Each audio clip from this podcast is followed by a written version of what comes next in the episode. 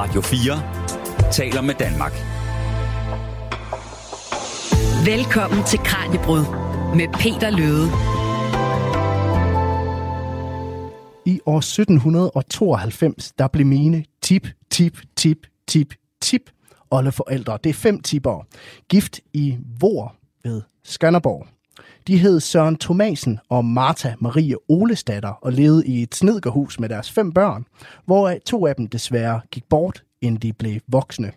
Søren døde senere i 1829, hvorefter Martha ernærede sig som syrske, indtil hun forlod verden i 1845 i Østbirk. Alt det her, det ved jeg, fordi at mit stamtræ, det ligger på nettet. Det er ikke mig selv, der har fundet frem til de her oplysninger, men jeg har faktisk stødt tilfældigt på det, da jeg googlede navnet på min morfar. Og der fandt jeg altså et stamtag for hele min morfars side af familien, som kunne føres helt tilbage til tiden med festebønder og oplysningstid. Og den slags små historier her, de kan findes i stort set alle familier. Det er bare med at grave dem frem. Men det er selvfølgelig ikke alle, der er så heldige som mig, at man tilfældigt kan google et familienavn og finde ud af, at nogen har gjort arbejdet for en. Derfor så handler Kranjebrud i dag om slægtsforskning. Vi giver dig en guide til, hvordan du selv kan komme i gang med at grave i din familiehistorie, og hvordan du kan bruge nogle tricks fra historievidenskaben i din amatørforskning derhjemme. Velkommen til Kranjebrud. Jeg hedder Peter Løde. Du lytter til Kranjebrud på Radio 4. Og min gæst i studiet i dag er Asbjørn Romvi Thomsen, der er seniorforsker ved Rigsarkivet. Velkommen til programmet, Asbjørn. Tak. Udover at du arbejder ved Rigsarkivet, så er du også en af de mange tusind danskere, der selv har slægtsforsket, og det har du gjort i, i ret mange år efterhånden, siden 88, kunne jeg forstå, så det er små 35 år, du har, du har været i gang. Ja, det er rigtigt. Ja. Og der, er jo, altså, der blev flere og flere af jer, kan man sige. Altså, DR har jo lige afsluttet et stort slægtsforskningsprojekt, det de kalder for Danskere i Verden, og generelt set så virker det til, at der er en øget interesse, i hvert fald hvis man kigger på mediebilledet, for at krasse lidt i den her overflade, når det kommer til vores egen historie. Er det noget, I kan mærke hos jer på Rigsarkivet også, at der er en øget interesse for, for slægtsforskning? Ja, det tror jeg sådan set godt, vi kan. Øh, I hvert fald kan man sige, at, øh, at, at vi har rigtig, rigtig mange brugere på de af vores digitale services, der øh, indeholder kilder, som man typisk bruger til slægtsforskning. Det, øh, der taler vi 100.000'er. Okay. Øh, som jeg husker det. øh, og, og det er jo langt flere, end, øh, end, vi bare, end vi ville kunne få fysisk ind i huset øh, på vores læsesal. Så der er mange, der går ind og, og prøver at søge på deres egen navn i, i arkiverne? Ja, at på den ene eller den anden måde, ja, er der rigtig mange, der bruger det. Og du har jo som sagt selv slægtsforsket i, i, i mange år. Altså, hvordan kom du i, i gang med det? Jeg gik i 8. klasse dengang, i 1988, som du snakker om. Ja. Øh, og der havde vi en vikar i historie, øh, som, øh, som fandt ud af, at hun ville tage vores klasse med op på øh, det, der hed Landsarkivet for Nørreland i Ja. Viborg, dengang jeg kommer selv fra Viborg oprindeligt. Øh, og der travede jeg jo med, ligesom alle de andre. Mm. Øh, og- men, men man kan sige, i modsætning til de andre, så blev jeg så hængende. øh, fordi jeg faktisk synes, det var ret sjovt. Ja, og du arbejder også på arkivet i Viborg den dag i Og dag. nu arbejder jeg så i arkivvæsenet, ja. Hvad var det, der fangede dig ved, ved slægtsforskningen? Øh, ja, dengang som stor knægt, der tror jeg, altså der, der var det jo sådan noget, der, det, det, det var sådan noget hobbyagtigt, og det er det jo, når man gør det Mm. øh, langt hen ad vejen. Øh, som, øh, jeg har egentlig også selv tænkt over det, fordi det udefra set kan det jo godt virke sådan lidt øh, mærkeligt, at man interesserer sig for det der, men, men øh, hvis man sammenligner det med at øh, lægge et puslespil, Ja. så, øh, så kan man sige, at det her er, er sådan en slags puslespil med mennesker. Øh, Ja. hvor, øh, hvor, hvor man skal bruge ret mange detek- detektivevner for at finde frem til oplysningerne. Man ved ikke, om man finder de brikker, man skal bruge. Man ved faktisk ikke engang, om de findes, de brikker. Øh, og så kan man sige, at jo flere brikker man finder, jo tættere et billede får man også lagt af noget, som faktisk har med en selv at gøre. Mm. Øh, Så, så billedet uden på kassen med puslespillet, det er, det er en selv i en eller anden forstand. ens selv og ens familie, ens, øh, ens fortid, ikke også?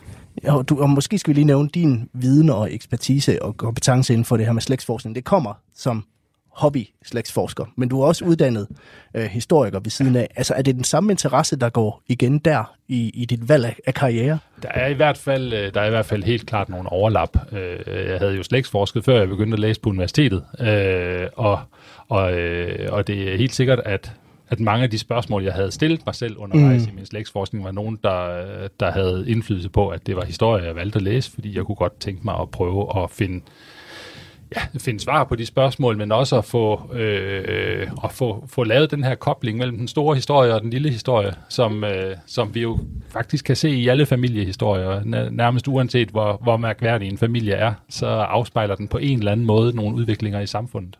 Men kan, kan du bruge nogle ting på, på tværs så? Altså kan du bruge nogle ting fra din historieforskning i, øh, i slægtsforskning ja, og omvendt? helt bestemt. Helt bestemt. Altså, øh, de ting, jeg kan bruge fra min øh, historikerbaggrund i min mm. slægtsforskning, jo, jo mere jeg har lært efterhånden om mit fag øh, og af mit fag, jo mere øh, kan jeg jo kan jeg jo forstå min egen familie, ja. så må sige, og se, hvad det er, der sker, jo bedre, jo bedre kan jeg sætte de personer, jeg finder, ind i en større sammenhæng.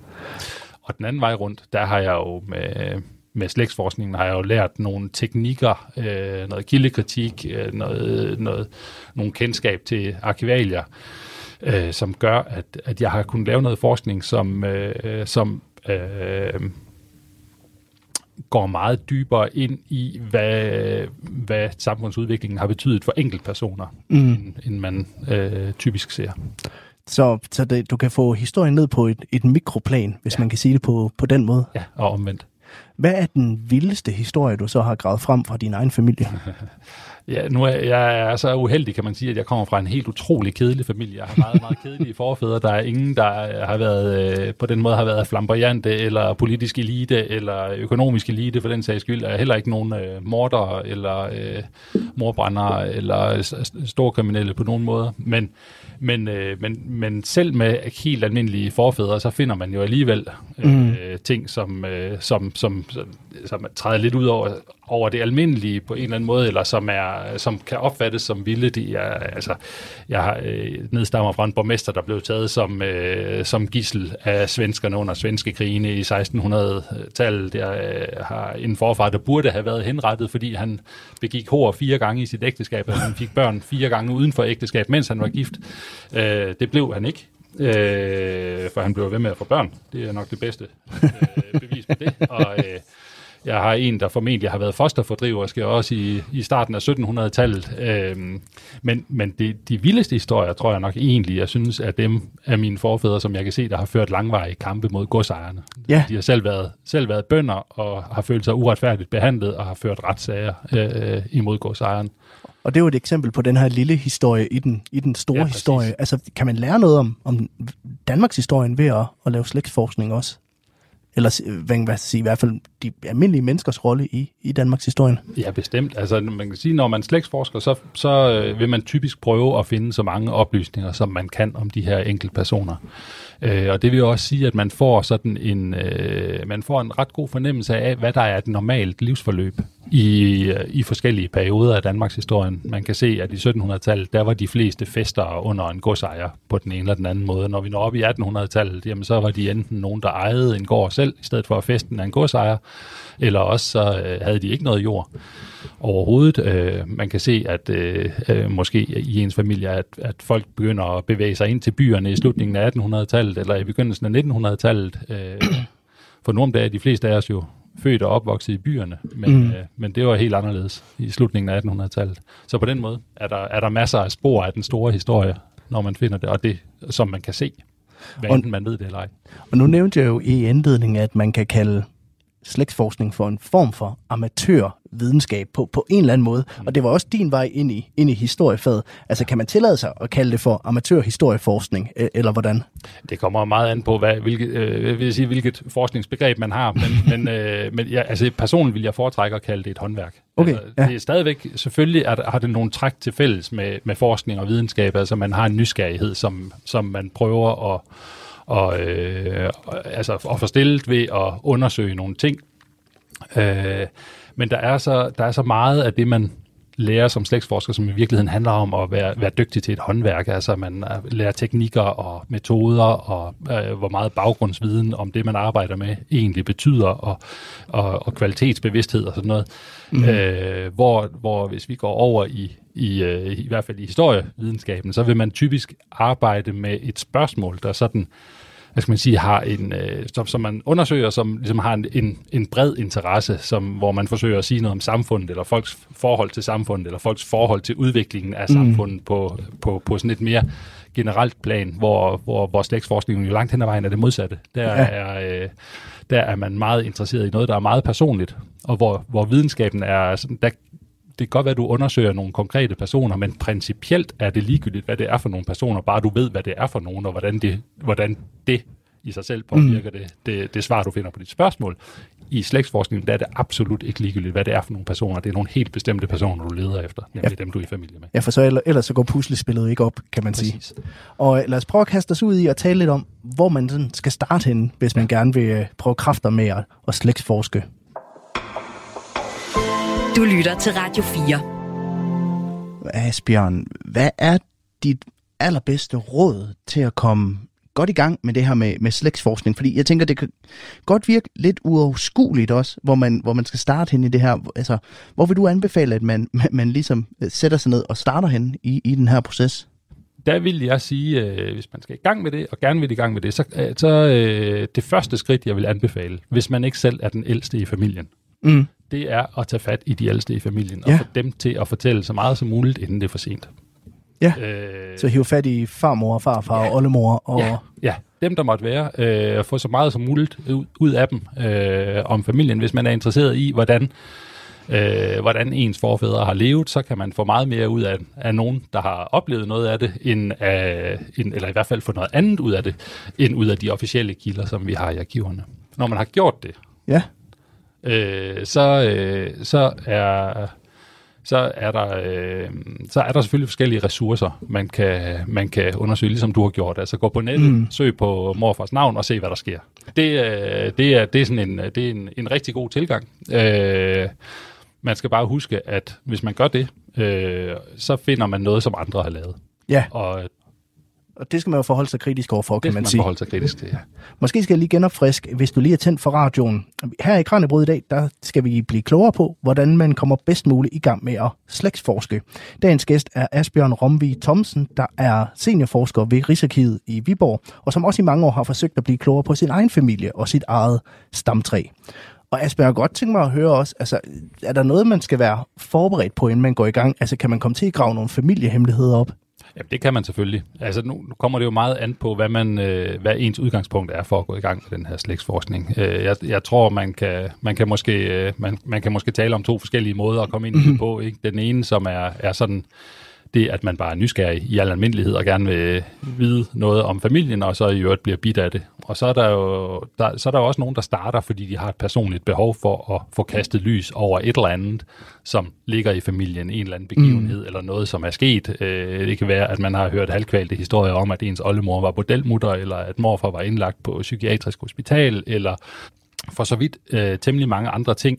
Altså, hvis, hvis, øh, hvis der har været familieproblemer, som myndighederne har været blandet ind i på den ene eller anden måde, så, øh, så risikerer man jo at få at vide, hvad problemet var, hvis man finder papirerne om det. Og det skal man jo selvfølgelig øh, være opmærksom på, at øh, jo tættere det kommer på en selv, jo, jo sværere kan det jo faktisk være at læse det. Øh, Ja, så, så man skal i hvert fald gøre sig nogle tanker om, om der er noget med, hvad man gerne vil have frem i lyset, og ja. Hvad man gerne vil vide, og hvad ja. Man helst ikke har lyst til at vide om. Ja. om sin familie. Ja.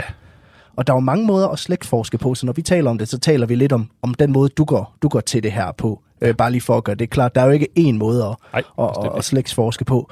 Altså, i hvor høj grad er det her noget, hvor man kan sidde derhjemme og søge på, på internettet, som, som jeg har gjort, og i hvor høj grad skal man være klar på at køre til Fyn og, og rode i en eller anden øh, kasse på et arkiv? Ja, altså øh, rigtig meget af, af, af sådan, hvad skal man sige, grundslægtsforskning kan man faktisk lave hjemmefra nu, fordi mm. øh, de, sådan, øh, de mest almindeligt anvendte kilder til slægtsforskning, når vi taler om de originale kilder, Ja. øh, det, vil, det vil typisk være kirkebøger, som registrerer for hvert sovn i landet, registrerer fødsler, konfirmationer, hvilser og dødsfald.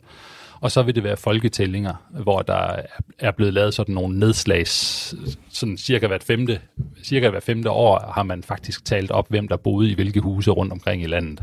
Øhm, hvert femte eller hvert tiende år, gennem det meste af 1800-tallet og hele 1900-tallet.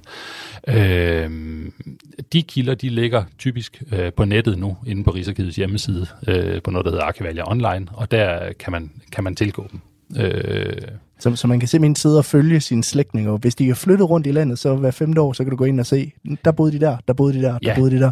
Det vil selvfølgelig være en fordel, at du ved, hvor de bor henne, for det kan godt tage et stykke tid at lede dem frem, hvis man ikke ved, hvor de boede henne. Øh, med mindre øh, man, man er tilbage i, øh, i ja, sådan typisk i, i 1800-tallet, hvor der er rigtig mange af de her folketællinger, der er afskrevet og faktisk ligger i søgbar form på nettet også, på, i det, der hedder Dansk Demografisk Database. Men hvordan trækker man så trådene mellem de her? Hvis man indsamler en masse data, jeg finder en masse øh, data på, hvor min morfar, min oldefar, min tiboldefar osv., de har boet hen. Hvordan samler jeg så det og trækker nogle tråde i, i, imellem det? Altså, hvad er det for et organisatorisk arbejde, der, der ligger derefter? Øh, jamen, det uh, står der jo frit for, hvordan det passer dig selv uh, bedst muligt at, at skabe, skabe overblik mm. over det her. Men der findes jo forskellige slægtsforskningsprogrammer, som jeg lige skal sige, at jeg ikke kender. Så, så derfor så er, det, er, er det ikke noget, jeg særlig, uh, har nogen særlig ekspertise i. Men, men, uh, men det er jo smart at systematisere sin viden, sådan mm. at man får samlet det, som man har om en enkelt person, på en fil om den her enkelte person, øh, eller om et ægtepar, øh, og, og så får lavet et system, så man kan kende dem fra hinanden og ved, hvor de hører hjemme i, i, øh, i stamtræet, om jeg så må sige. Ja, for jeg tænker, man enormt hurtigt kan miste overblikket over alt det her data. Ja, øh, det kan man også, øh, men, øh, men, men, øh, men det er jo også noget af det fede ved det, at man kan finde en hel masse oplysninger. Men jeg kan heller ikke huske hele mit stamtræ udenad. Nej, men det er jo også, øh, det, det bliver jo større og større, jo længere man ja. går tilbage. Ikke? Altså, jeg tænker også, altså, hvor skal man starte hen? Skal man, giver det mening at starte ved morfar, og så arbejde sig bagud? Eller, eller hvor, hvordan? Ja, altså det kommer an på, hvad, kommer også an på, hvad man er interesseret i, for der mm. kan jo også være forskellige retninger, man, man gerne vil gå i. Der kan være nogen, der er interesseret i sine forfædre, det vil sige at finde forældre, bedsteforældre, oldeforældre, tipoldeforældre, tip-tipoldeforældre, og hele tiden arbejde sig bagud på Ja. den måde. Men der er også nogen, der er interesseret i bare at få, få udrullet, hvem man er i familie med, altså at få, øh, måske gå tre generationer tilbage, og så finde ud af, hvem deres efterkommere er, så man ser, hvem der er ens egne fædre og øh, grandfædre, hvis man er interesseret i at finde nulevende slægtninge og sådan noget. Øhm, men, men, øh, men ja, typisk vil man jo starte det- nærmeste sted, mm. kan man sige, altså der, hvor man har bedste oplysninger, og så arbejde sig bagud derfra, eller udad. Og så simpelthen bygge træet op ja. Nedefra, Ja. hvis man kan sige det på den ja. måde. Og jeg tænker, vi om lidt skal høre lidt om, hvordan man så kan gribe de her kilder an, som, som man finder, hvordan man kan bruge sådan lidt af den måde, som man er kildekritisk på i historiefaget, når man analyserer de her mange data, som man øh, har fundet. Men altså, jeg kunne godt tænke mig at øh, høre ind, altså hvis man kigger på historien og nogle af de begivenheder, man ved, der skete, for eksempel at tip tip tip oldefar, han, mm. han levede, og man kan se, han døde så ved Dybøl i, i 1864, kan man så. Ja. godt tillade sig at konkludere, så døde han nok i slaget ved Dybøl Mølle. Øh, det kan du jo kon- konkludere i det, øh, hvis- du, kan, hvis du har, har kilde, kilde, kildemæssigt belæg for det. hvis han døde som 89-årig så, øh, i 1864 ved Dybøl, så ville jeg ikke forvente, at han døde i slaget. Men hvis han var 29, så Så vil jeg sige, at der er større sandsynlighed for det, men hvis du vil være sikker, så skal du gå ind og kigge i hans militærpapirer. ja, Så du skal gå tilbage til de kilder, der faktisk kan fortælle dig det, du spørger om. ja, for man kan sige, hvis man gerne vil have koblet den her personlige historie på sin forfædre, det er jo Ja. ikke i alle tilfælde, det kan lade sig gøre, men man, Nej. nu siger du, der er masser af registre, hvor man kan se, hvornår folk er født, og hvor de har boet ja. henne. Men hvis man gerne vil vide noget mere, end bare det, der står i et eller andet register, altså hvor kan man finde den historie hen? Jamen, det er jo meget forskelligt. Altså, øh, der er jo, øh, der er jo virkelig, virkelig mange kil, øh, kilder og mm. lede i. Vi har øh, i Rigsarkivet, jeg tror, hvis vi, hvis vi rejser det papir op, vi har, så mener jeg, at vi har 470 kilometer papir. Hold op. Øh, og, og det handler altså om fortidens mennesker, langt det meste af det. Så, så vi har jo rigtig meget. Øh, men, men der er jo nogle kilder, kan man sige, som er, det, som jeg plejer at kalde almindelige kilder. Det er sådan nogle, hvor du kan finde ud af øh, noget om nærmest alle personer, eller i hvert fald et, fast defineret, Ja. øh, en fast defineret gruppe. Det, du, kan, du kan stort set finde fødsel og død på alle, indtil du kommer tilbage til der, hvor kirkebøgerne ikke findes længere.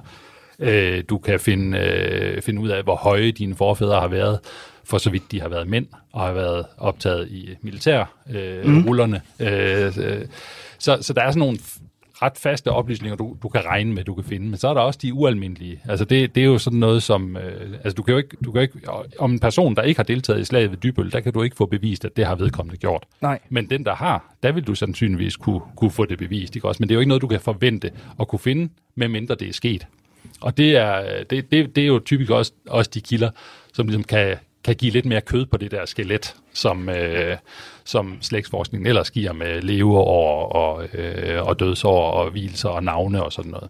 Og jeg tænker, at øh, om lidt, så skal vi høre lidt om, hvordan man så skal gribe nogle af alle de her kilder an, hvordan man kan bruge lidt af den her måde, som man er kildekritisk på i, i historiefaget, når man analyserer de her mange data, som man har fundet frem til. Men inden da, der skal vi lige tage et lille sidespring. Fordi det her, det er selvfølgelig kun én måde at slægtsforske på. En anden måde, der er blevet populær inden for de seneste 10 år, det er det, der hedder genetisk slægtsforskning. Og hvad det går ud på, det øh, kan du blive klogere på lige om lidt. Du lytter til Kranjebrud på Radio 4. DNA-analyser kan være et øh, stærkt værktøj i slægtsforskning, hvis det bliver brugt på den rigtige måde. Det ved historikeren Michael Dupont, der har skrevet en bog om DNA og slægtsforskning for begyndere. Og han fortæller, at der er tre nemt tilgængelige typer af DNA-test, der kan hjælpe med slægtsforskningen. Jamen, der findes jo de her forskellige typer DNA-tests med øh, Y-DNA, hvor man får undersøgt rent, øh, den rent mandlige linje, hvor man får undersøgt øh, sin øh, fædrene linje langt, langt tilbage i tiden. Det kan være tusindvis år tilbage i tiden, man får oplysninger der. Så har man også den direkte pendant, nemlig den møderne linje, hvor man går ind og kigger på mitokondrie-DNA, som fortæller noget om ens mors, mors, mors øh, linje tilbage tusindvis år. Og så har vi alt det inde i midten, alle de andre linjer, og for så vidt også den, den møderne og den fædrene linje, nemlig det, der hedder det autosomale DNA. Autosomalt DNA, det knytter sig til øh, de autosomale øh, DNA, det er faktisk kromosomerne. Vi har jo 23 kromosompar. De 22 kromosompar, det er autosomerne, det autosomale DNA. Og det er noget så simpelt som en spytprøve. Man øh, går ind på en hjemmeside, det, der er flere forskellige typer DNA-test på, på nettet, hvor man kan gå ind og så blive testet. Og så øh, får man analyseret sine, sine kromosomer, og så sammenholder det her DNA-firma øh, ens prøve med alle de andre, der findes i den her, den her kundedatabase. Og så får man at vide, hvordan man er beslægtet med de her personer. Det er ikke så eksakt en videnskab, så man kan få helt præcist at vide, hvordan man er beslægtet med en eller anden nulevende person, hvor man har fælles aner langt tilbage i tiden. Men man, man får en eller anden, en eller anden kalkyle, der siger, at, at man for eksempel er, er beslægtet med, med fælles tiboldeforældre eller, eller deromkring.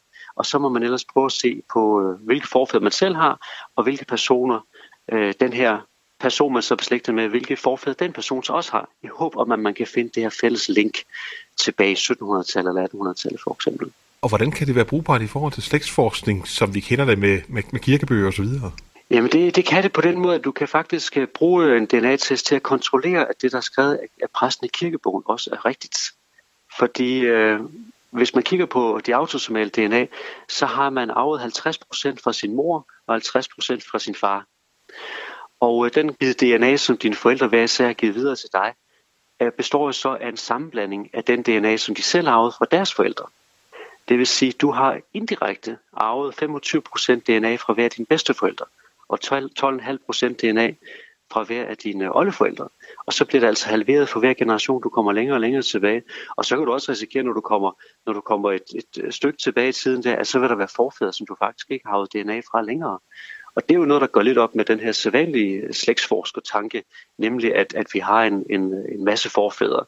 Og det gælder bare om at finde frem til med kirkebøgerne. Men kigger vi på DNA'en, jamen så er der faktisk nogle forfædre i løbet af, en, af nogle relativt få generationer, vi faktisk kan skære fra, og så sige, at dem er vi så ikke beslægtet med længere, fordi vi ikke længere har DNA fra dem. Du nævnte det der med, at, at de måske ikke er 100% præcise, men altså er de, er de troværdige, de her tests? Absolut. Datagrundlaget er så kæmpestort, så der, der er slet ikke nogen tvivl om, at det, at det bestemt er troværdigt. Og det er jo selvfølgelig troværdigt øh, i det omfang, at når du får sådan en matchliste, en liste over folk, som du deler DNA med, så gælder det selvfølgelig om at se på de personer først og fremmest, som du deler meget DNA med. Så, øh, så, så man skal altid starte med den, med den tunge ende af det her. Og men når du får sådan en liste her, så kan det bestå af flere tusind personer, som du på en eller anden måde øh, er beslægtet med, eller som firmaet anslår, du er beslægtet med. Og det er klart, at i den tynde ende af det her, der, øh, der, der skal du nok begynde at være lidt mere kritisk med, om, det, om der faktisk er tale om, om egentlige slægtninge, eller folk, hvor programmet bare tror, at man er beslægtet. For det er klart, at i den tynde ende, der vil der være nogle tilfælde, hvor du står med nogen, der, hvor der taler om et falsk match. Det er et forholdsvis nyt øh, redskab, det her, men det er et, der giver et godt supplement til, til, til de mere klassiske redskaber. Ja, det gør det faktisk. Altså, man kan sige, det er jo ikke, det er ikke fordi, det er så, så nyt i virkeligheden i forhold til at kunne bruges til for eksempel faderskabsundersøgelser. Der begyndte man allerede i Danmark at bruge det her med DNA tilbage omkring 1990. Men det, der er fordelen nu, det er, at det er blevet meget billigt at bruge. Så du kan, få, du kan faktisk komme rigtig langt for 500 kroner i dag. Og så har det også den fordel i dag, at der er rigtig, rigtig mange andre personer, der er blevet testet. Og før det her det begynder at blive sjovt, så skal, du også, øh, så skal der også være rigtig mange, der bliver testet, for ellers så får du ikke særlig mange hits, så får du ikke særlig mange matches. Og det er kernen i det her, det er faktisk også det med at komme i kontakt med en masse andre personer, som du er beslægtet med. Øh, og så simpelthen ved rent slavearbejde, så går du i gang med at kigge på dine egne forfædre, og så ser du på de her personer, som du så matcher, ser på deres forfædre i håb om at finde frem til de her fælles forfædre. For der er ikke noget, der er givet på forhånd, før du egentlig begynder at, at bruge de slægtsforskningsredskaber, du kender i forvejen. Så som slægtsforsker kan man ikke rigtig bruge en DNA-test til noget som helst, uden at have den her slægtsforskningskendskab på forhånd. Det er ikke sådan, at man får serveret det hele på et sølvfad, bare du får taget en, en spytprøve, så får lavet en DNA-test. Du bliver simpelthen nødt til at grave dig igennem kilderne først. De gammeldags kilder som kirkebøger, folketællinger og hvad der ellers måtte være. Fortæl det Michael Dupont til min kollega Kasper Fris. Du lytter til Kranjebrud på Radio 4.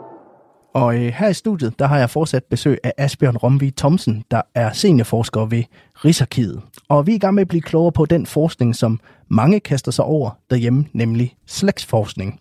Og som vi talte om tidligere, så er det jo lidt en form for amatørhistorieforskning. Der er nogle ting, der har til fælles, og der er nogle ting, hvor det adskiller sig ret markant. Du går ud og finder nogle oplysninger i nogle kilder, forsøger at strikke en fortælling sammen, og så er det lidt perspektivet, der afgør, om det er historieforskning eller, ja. eller ej.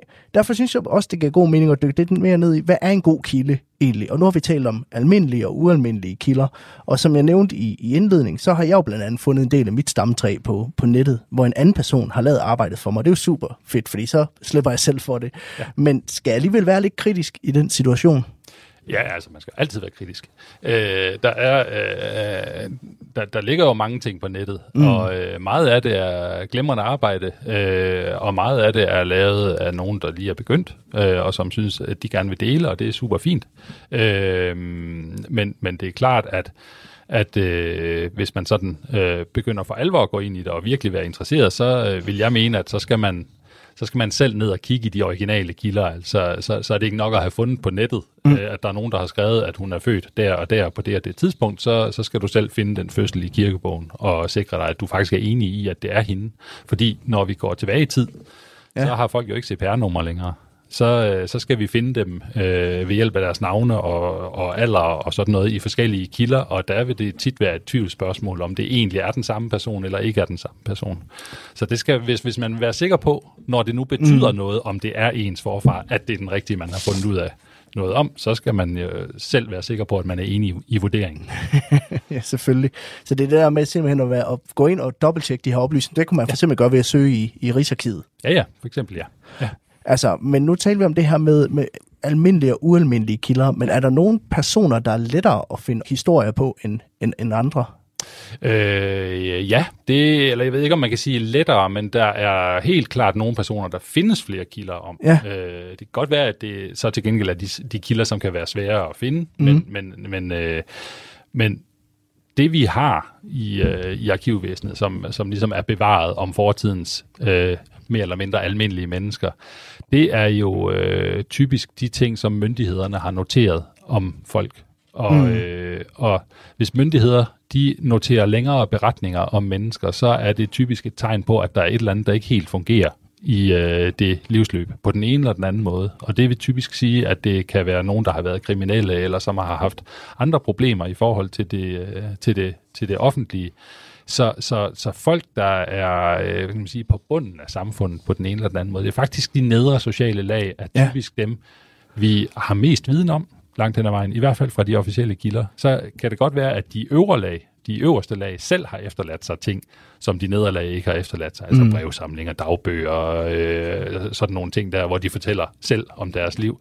Det har, det har, det har de nedre sociale lag jo ikke gjort. Nej. Men, men til gengæld har, øh, har myndighederne brugt langt flere kræfter på de nedre sociale lag. Så. Det vil også typisk være, hvis jeg lige må sige en det vil også typisk være øh, de nedre sociale lag, vi har hverdagsbilleder af, hvis de er blevet øh, øh, arresteret af politiet, og der øh, er taget portrætter af dem fra, det gjorde man fra slutningen af 1800-tallet, og frem efter tog man jo, tog man jo de her mm. forbryderfotos. Så, øh, så det er forbryderne, vi, vi, vi forbryderne, ved altså det er fantastisk at nedstamme fra forbrydere, hvis man, i hvert fald hvis man har fået lidt på afstand i familien, øh, så er det der, hvor man virkelig har en chance for at finde, noget, finde ud af noget om, hvordan folk egentlig levede, og hvordan de så ud, når de blev arresteret af politiet. Fordi alle andre, de gik jo i et fotostudie og var i deres stiveste bus. Så, øh. så det er simpelthen et indblik i, i, i det nederlag, altså man får igennem øh, politiets arkiver. Ja, for eksempel. Simpelthen. Ja, ja. Øh, jeg kan også godt tænke mig at, at høre om altså sådan noget som, som pressen. Altså, der er jo mange mennesker, der optræder i avisudklip ja. og så videre. Altså, er det en god et godt sted at søge også i, i forskellige mediearkiver. Det er det helt klart. Øh, det er, hvis, hvis man har den her fornemmelse af, at, at ens nærmere forfædre, fordi mm. det, der er jo trods alt grænser for, hvor lang tid aviserne går bagud, men hvis vi taler sådan fra slutningen af 1800-tallet og, og frem efter typisk, mm. så begynder der jo at være, være ret mange aviser, og, øh, og, og, og de ligger også på øh, mediestream, mange af dem. Øhm, øh, hvor man kan søge efter det, hvis man, hvis man har den her fornemmelse af, at der er foregået et eller andet. For eksempel det der med oldemoren, der var budelmutter, eller mm. havde en smugro, eller et eller andet, og man ikke ved, hvor det var henne, for eksempel. Så, så er det svært at finde ud af, hvilken politikredses arkivalier man skal kigge i, og man heller ikke ved præcis, hvornår det var. Men så kan man gå ind og, øh, og søge i aviserne, hvor der, hvor der måske kan være nogle øh, artikler om, at nu den og den blevet opdaget, og der kan være navn og sådan noget. Og så kan man gå derfra videre over i, i arkivalierne, og så finde om jeg så må sige, den rigtige historie øh, i det omfang, det, det er det, der står i politiets arkiv i hvert fald. Ja, for der er vel også nogle kilder, man skal være mere kritisk over for end andre, tænker jeg. Jeg tænker, registerdata, det kan man jo tage som, som det er. Det er, jo, det er jo et registrat. Men altså, er der andre, nogle kilder, man skal være mere kritisk over for? Øh, jamen, ja, man skal være kritisk over for alle kilder. Øh, hvis, man, hvis man kigger i CPR-registret, så vil man jo se, at der er rigtig, rigtig mange, tror jeg nok, øh, som er født den 1. januar. Mm. Øh, og det, det er dem, hvor man ikke ved, hvornår de var født. Okay. Øh, så, så selv registerdata indeholder jo fejlkilder, som kan være mere eller mindre struktureret, øh, og som, som man også skal passe på med. Øh, øh, men, men, øh, men det er klart, at kilder, der indeholder fortællinger om, hvorfor noget er sket, eller hvad der er sket, øh, en politirapport, hvor, hvor, hvor øh, hvor den anholdte forklarer sig over for politiet, den, dem vil jeg være, selvfølgelig være kritisk over for, fordi der er jo nogen, der har et motiv, og nogen, der øh, øh, får noget ud af øh, eventuelt at lyve, eller ikke at lyve. øh, eller et andet tilfælde, hvor der kan, hvor, hvor for eksempel, øh, jeg har jo jeg har øh, en forfar, som diskuterer meget indet med, med godsejeren om, han skal smides ud af gården, eller ikke skal ja. smides ud af gården. Øh, og de har jo været deres version af, hvad det er, der er foregået, og hvor meget, der bliver, hvor, hvor meget han skylder gårdsejeren i, i restancer på, på sin landgilde og den slags. Så der, det, det skal man selvfølgelig også være, være kildekritisk overfor. Så det er sådan det der med at prøve hele tiden at, at have i mente, eller have i baghovedet, at man skal huske at være kritisk, men også altså, hvordan, hvordan er man det, hvis vi skal give et råd til, til dem, der måske gerne vil kaste ud af det? For det første skal man jo sørge for, at det man, de kilder, man kigger på, er dem, som øh, hvad skal man sige, er de primære kilder. Mm. Man også kalde det, kalde det de originale kilder. Ikke også? Altså, hellere, hellere stole på det, der står i kirkebogen, end det, der står øh, i en anden persons stamtræ. Så det er den ene ting, også at man skal tilbage til den originale kilde. Øh, og så ellers så handler det jo rigtig meget om at slå sin sunde fornuft til og, og, og, og, og, og tænke over, hvad der er af fejlmuligheder i det her. Det kan jo både være noget, der er forkert, mm. øh, men, det kan, men det kan også være altså, øh, det kan også være nogen, der bevidst giver forkerte oplysninger, ikke også? Men, men det kan også være, altså man skal også vurdere, om der er en sandsynlighed for, at noget er upræcist, for eksempel. Og om lidt, så tænker jeg, at vi skal høre lidt mere om de her digitale platforme, som vi har talt en lille smule om. Fordi lektor Henriette Rode, hun har nemlig forsket i vores digitale arv og ved en masse om, hvordan de bliver brugt i slægtsforskningen. Du lytter til Kranjebrud på Radio 4. For teknologien har gjort det nemmere at finde data og organisere vores stamtræer. Blandt andet så indeholder siden MyHeritage over 108 millioner historiske optegnelser, og det er altså kun dem fra Danmark. På verdensplan, der har siden over 54 millioner stamtræer og 5,5 milliarder profiler. Så sandsynligheden for at finde nogen, der har en fjern forbindelse til dig, den er altså relativt stor. Så pludselig så har vi adgang til oplysninger og data, du egentlig kan tilgå hjemme fra din sofa, som vi ellers ville skulle køre land og rige rundt for at finde. Alle de her oplysninger, det er noget af det, som Henriette Rode, hun har været med til at kortlægge. Hun er lektor i digital kulturarv ved Københavns Universitet og har blandt andet forsket i, hvordan slægtsforskere arbejder. Og hun har selv forsket i sit familiemæssige ophav og fortæller her, hvordan det arbejde foregik, da hun selv gik i gang. Altså for 20 år siden, da jeg startede med, med slægtsforskning, der var det sådan noget med, hvis man ville, ville ind og, og kigge i nogle kirkebøger, så skulle man øh, køre afsted til Viborg. Jeg boede i Sydjylland, øh, så mit nærmeste landsarkiv, det var Viborg. Øh, så kørte vi afsted tidligere om morgenen for at være der i hvert fald en halv time inden åbningstid. Og så sad folk, altså de stod i kø, nogen sad, så nogen havde klapstol med, nogen havde kaffe med, rundstykker. Og så sad man simpelthen i kø og ventede på, at de skulle åbne dørene, så man kunne komme ind på læsesalen og få en plads. Fordi hvis man ikke fik en plads, så kunne man ikke bestille de her arkivalier, og så var det ligesom en spildt dag. Men det er en helt anden situation i dag. Hvordan kan det gøres? Det samme arbejde. Det er en helt anden situation i dag, fordi i dag der øh, har man scannet, øh, jeg mener i hvert fald de fleste, hvis ikke alle, øh, kirkebøger, og dem har man så lagt på nettet, så man kan sidde og, og i hvert fald bladre igennem dem. Øh, mange af dem er også blevet renskrevet, så at man kan faktisk søge igennem dem og prøve at finde dem leder efter. I hvert fald så, så er der større chance for, at man kan finde dem på nettet i dag. Og det vil sige, at man kan sidde hjemme ved sit eget skrivebord med sin egen computer og søge og, og finde sin slægt og opbygge den her, det her slægtstræ, uden at skulle afsted. Og det vil sige, at man kan gøre det efter aftensmad, man kan gøre det hele natten lang. man er heller ikke afhængig af, at man skal komme lige i den åbningstid, der lige måtte være på landsarkivet. Men til gengæld så sidder man så heller ikke og spiser madpakker sammen med andre ligesindede, så et eller andet må det jo også koste.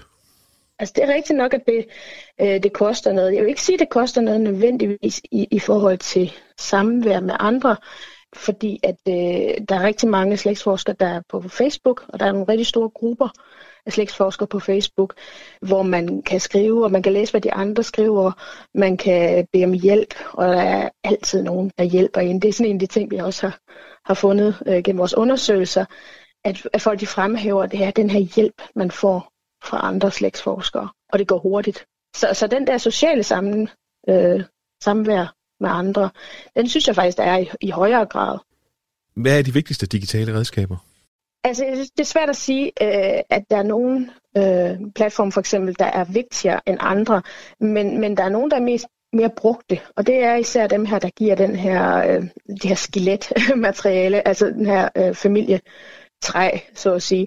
Men egentlig det, vi ser med slægtsforskere, det er, at de ikke kun bruger en eller to platforme. De bruger faktisk en hel vifte af øh, forskellige platforme, øh, afhængig af hvad det er, de vil undersøge, hvad det er, de vil vide mere af. Øh, nogle af dem er lokalarkivers hjemmesider, de, de øh, tilgår, øh, og andre er kæmpestore øh, databaser, som de kan søge i. Så der er sådan egentlig ret bredt spænd. Men er der nogle begrænsninger for, hvad, hvad man så kan med de her digitale redskaber? Ja, altså den største begrænsning, det er jo sådan set det, der ikke er digitalt, eller digitalt øh, adgang til nu. Altså der er en risiko for, at man, man underprioriterer det lidt. Fordi hvis jeg kan have, det, jeg kan få adgang til derhjemme, det bliver jo så det, jeg kommer til at, at søge i og bruge øh, i første omgang. Det vil stadigvæk kræve, at jeg møder op lokalt på et arkiv for at få adgang til, til rigtig meget andet materiale. Men hvad er det, man går glip af der? Jamen altså, øh, det man især kan finde på, på nettet, det er noget af det, der kan hjælpe en med at bygge det her skelet op omkring ens familie. Altså, øh, hvornår er de født og, og død, og hvorhen, og hvem er de i familie med. Men det, man jo så kommer til at mangle, det er sådan den del, som, som mange de går til efter de har skelettet. Øh, og det er det, vi kalder sådan kød på benet. Altså de her berigende historier omkring øh, familien, hvordan de levede, hvordan det var for dem under forske- forskellige historiske øh, begivenheder. Og alt det kan være rigtig svært at komme til øh, på, på nettet. Øh, det er lidt afhængigt af, at for eksempel lokalarkiver eller, eller andre øh, arkiver har gjort noget tilgængeligt online.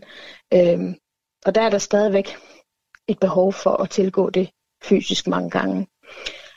Og det kan selvfølgelig gøre, at man, man underprioriterer det lidt.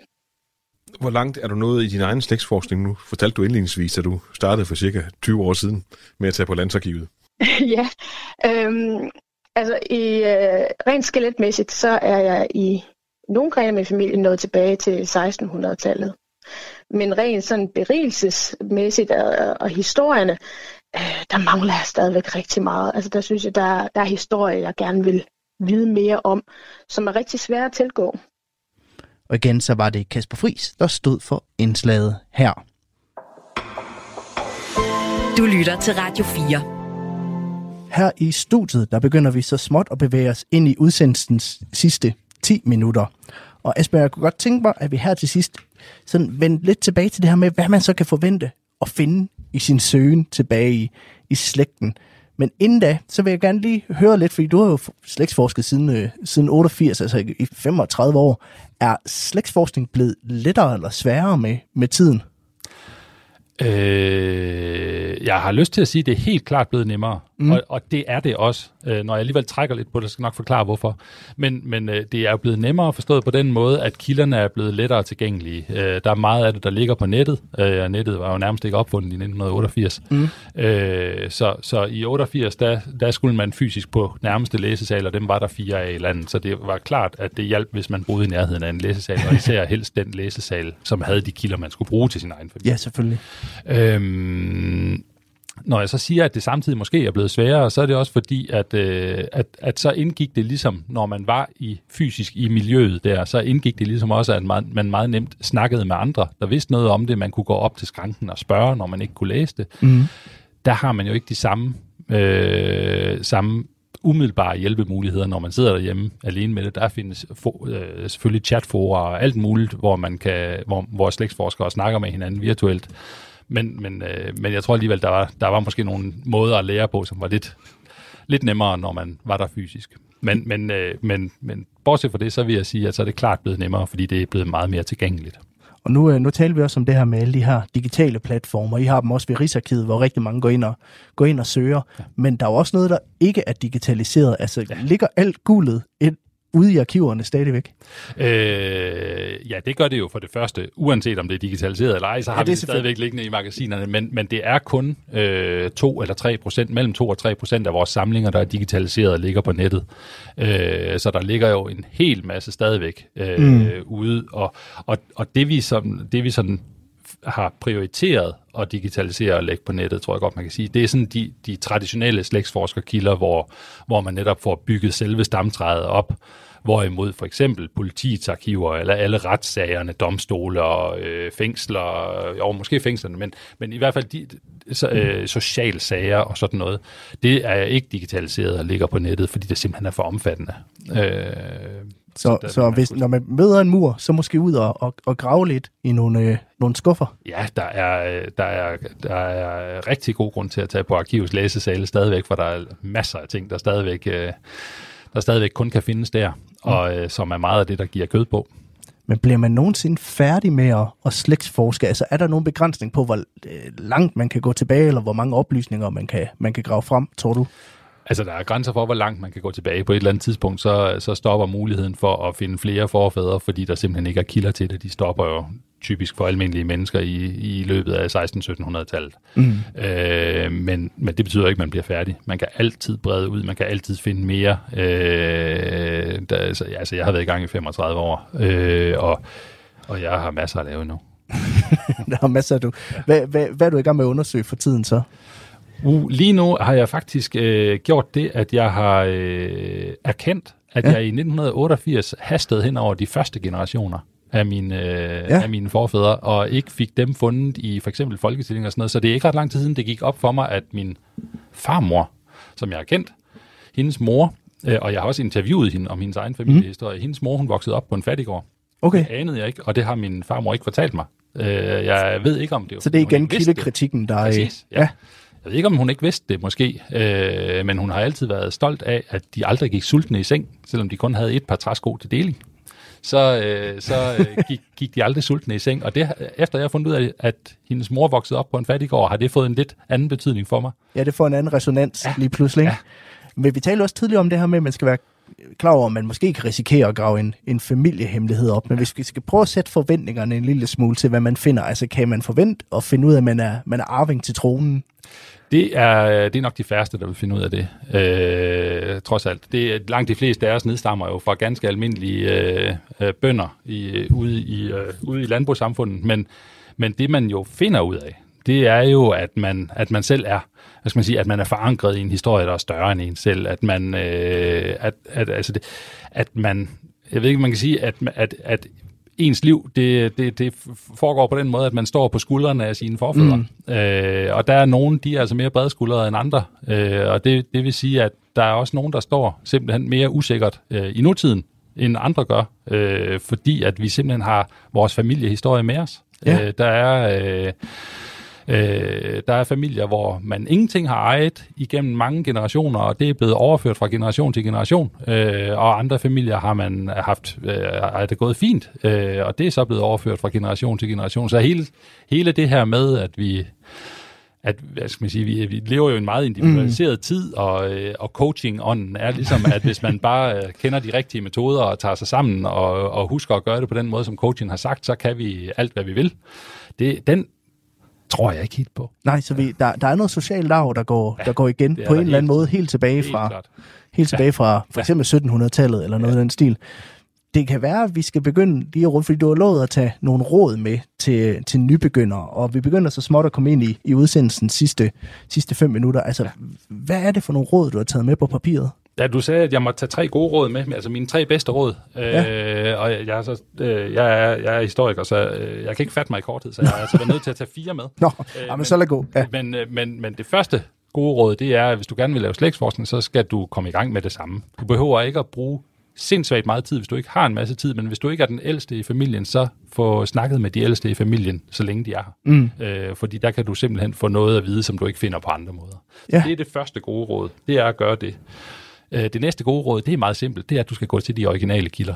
Fordi øh, så, er du, så, så, så er du sikker på, at du, at du får de rigtige oplysninger. Og det tredje gode råd, det er, mm. at du kun skal stole på din egen fortolkning af de originale kilder. De, andre har også været i dem, men, men du skal selv vide, om du er enig.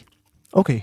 Og hvis jeg så skal tage et sidste Ja, hvis vi skal tage den fjerde med. et Ja. fjerde gode råd, så vil jeg sige, at for at gøre det interessant, så skal du prøve at sætte din egen familiehistorie ind i den større historie. Mm. Altså prøve at se din familiehistorie i, i den store historie, simpelthen. Øh, fordi, øh, fordi ellers så bliver det meget nemt sådan noget meget løsrevet, noget der egentlig bare handler om at samle flest mulige oplysninger om, om nogle mennesker, som man så alligevel ikke ved så meget om, hvis de ikke kommer ind i en samfundsmæssig kontekst. Ja, for nu talte vi om før det her med, at der, man skal nok, nok mest af alt forvente at finde bønder, Ja. øh, og ikke det her kongen af Danmark eller en ja. herremand i, i sin slægt. Det er trods alt fortalt. Men betyder det, der ikke er interessante historier at, at finde om sin egen slægt? Nej, overhovedet ikke. Altså, øh, nu ser jeg jo til, til en start, at jeg selv kommer ud af en mega kedelig familie, mm. Mm. øh, og det gør jeg virkelig også på mange måder, for jeg har da også øh, undersøgt andre slægters historier, som er, er langt mere interessante. Øh, men, men, øh, men, men historierne ligger der alligevel og venter på at blive afdækket, og, øh, og der er masser af drama også i almindelige menneskers øh, liv, det ved vi jo også godt selv. Så det er bare med at, at få gravet det frem. Ja. Og dermed er opfordringen til at kaste over slægtsforskning givet videre. Asbjørn Romvig Thomsen, seniorforsker ved Rigsarkivet. Tak fordi, at du havde lyst til at komme forbi i dag. Selv tak. Du lytter til Kranjebrud på Radio 4. Det bliver altså, hvad vi nåede i dagens afsnit af Kranjebrud her på Radio 4. Min gæst i studiet i dag var Asbjørn Romvig Thomsen, der er seniorforsker ved Rigsarkivet i Viborg. Og hvis du vil have noget mere kontekst til historien om dine forfædre, så kan jeg blandt andet anbefale et tidligere program, som Asbjørn også medvirkede i. Det omhandler festebøndernes forhold og vinder og taber i landboreformerne. Det blev sendt den 11. maj i år. Og hvis du vil genhøre det her program, eller høre øh, programmet om landboreformerne, så kan de her programmer findes som podcast sammen med godt 1000 andre afsnit af Kranjebrud i Radio 4's app, der kan hentes på App Store og på Google Play. I morgen er der endnu et Kranjebrud klar til dig her på kanalen, hvor temaet er lidt noget andet. Det handler nemlig om Sex and the City. Det er som altid kl. 12.10 her på kanalen. Ellers er det vist kun at sige tak for i dag. Vi lyttes ved en anden gang. Jeg hedder Peter Løde, og dagens program er produceret af Videnslyd for Radio 4. Det er en stor beslutning, og nogen vil sidde og tænke, hold nu kæft, hvad sker der for hende? Tidligt i sit liv tog Mette Blomsterberg et valg om at sige farvel. Og det er jo det, der sker. Så kan man sige, at det er sådan et bevidst fravalg, at jeg ligesom valgte min far fra. Nej, det var der egentlig ikke, men, men det gjorde sgu for ondt. Lyt med i det sidste måltid, når Mette Blomsterberg er død i en time. Gade være hendes minde. Ja, tak. I Radio 4's app, eller der, hvor du lytter til podcast. Radio 4 taler med Danmark.